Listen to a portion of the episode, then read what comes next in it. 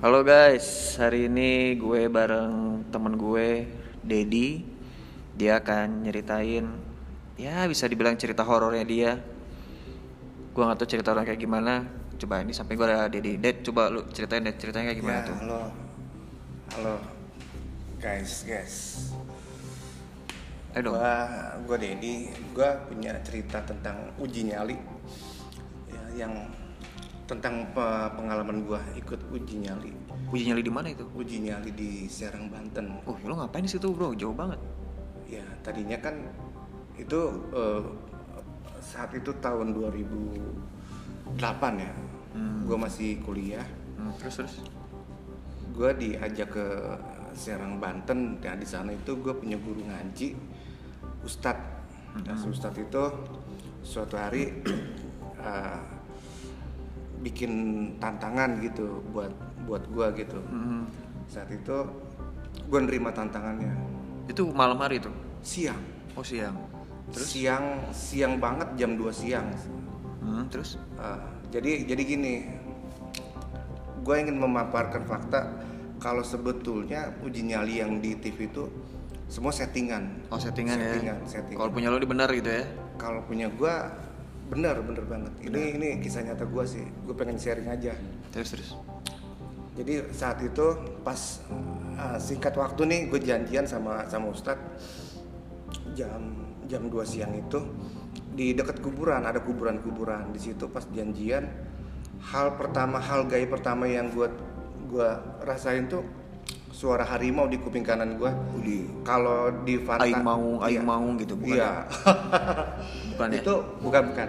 Itu suaranya serem banget mas. Apa raungannya kencang gitu. Hmm. itu mem- membuktikan kalau tempat itu bukan tempat sembarangan. Jadi gue di challenge sama ustadz itu tadinya satu jam cuman gue nawar bisa bisa nggak di di press lagi? Oh ya udah setengah jam akhirnya tantangan diterima kan. Tujuannya sih untuk ini aja sih untuk menguatkan iman aja gitu. Untuk uh, punya gue sebagai laki-laki pengen Punya iman yang kuat gitu ya? uh, apa namanya nunjukin keberanian gitu kan. Dulu dulu tuh begini ceritanya. Gue di, dianggapnya kurang berani gitu loh kurang berani. Sekarang juga masih ya? kurang berani nggak tahu ya. Kurang berani. Jadi kayak di di challenge aja gitu sama dia. Hmm, terus? nah, gua nah akhirnya ada gua menuju ke kuburan kuburan itu, Itu di gua- mana kuburan itu? Masih di Serang ya? di Serang Banten. Gua gua lupa namanya ya nanti gua gua gua infoin lagi. Jadi di situ di depan kuburan ada ada botol aqua dibuka zikir di situ. Hmm. Ah, dimulai ya di- dimulailah ininya apa namanya uji nyalinya gue duduk. Siang siang banget. Siang banget.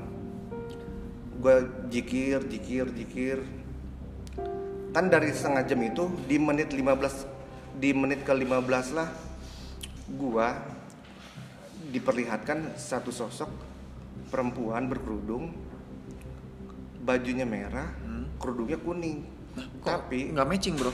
Iya nggak matching. Tapi cara dia berjalan nggak ngelazimnya orang. Dia dia bolak-balik kiri kanan kiri kanan. Tapi akhirnya dia mulai mendekat. Ah.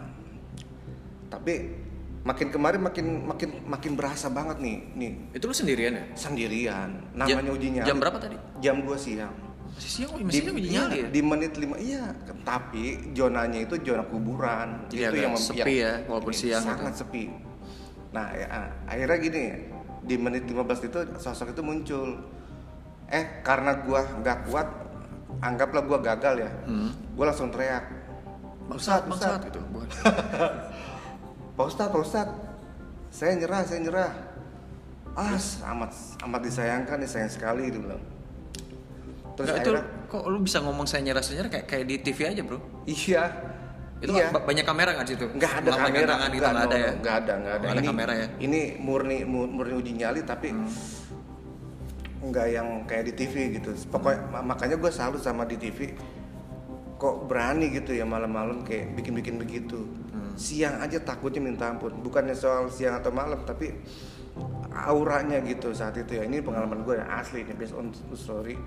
Nah setelah itu gue gua gua gue jelasin ke ustadz gue ini loh sosok yang yang yang gue lihat. Nah, di sinilah poinnya.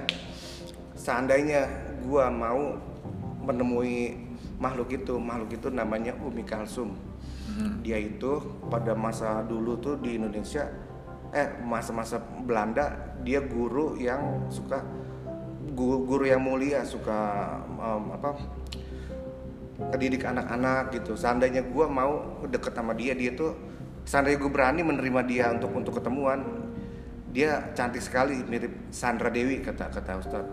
Terus kalau cantik lu mau sama hantu itu? belum tahu sih cuman kan mental gua saat itu masih belum kuat tapi wajah muka muka orang itu nanti jadi ular dulu katanya nah itu gua makin bingung lagi kan Jadi ular. makin makin bingung lagi mas jadi ya udah akhirnya ya gagal tapi tapi gua udah ngebuktiin kalau uji nyali itu gua udah pernah gitu.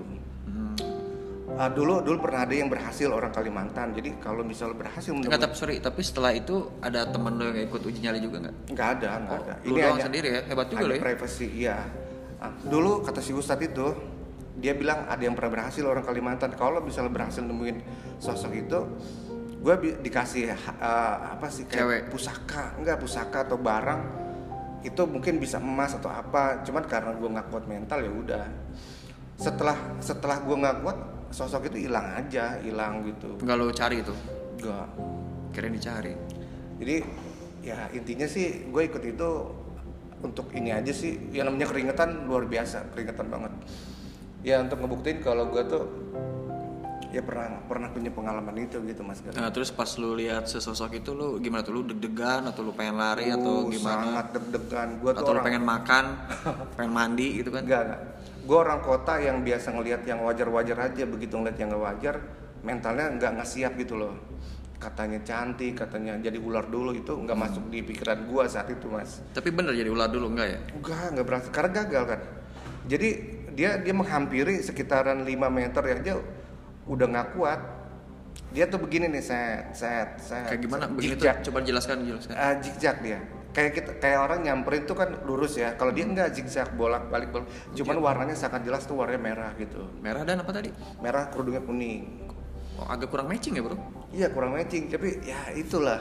Tapi ada ada ada ada artinya sih katanya merah tuh pemberani, kuning tuh eh, berjiwa besar. Bukan terus. Pokoknya terus. yang pasti nih mas, itu kisah nyata gua saat ikut uji nyali. Oke, oke. Oke, eh, terima kasih Mas Dedi atas ceritanya sangat luar biasa. Nanti kita coba ngobrol lagi ya di bagian Ya. kedua ya. Oke rekan, kita tutup dulu bagian pertama ini. Dah.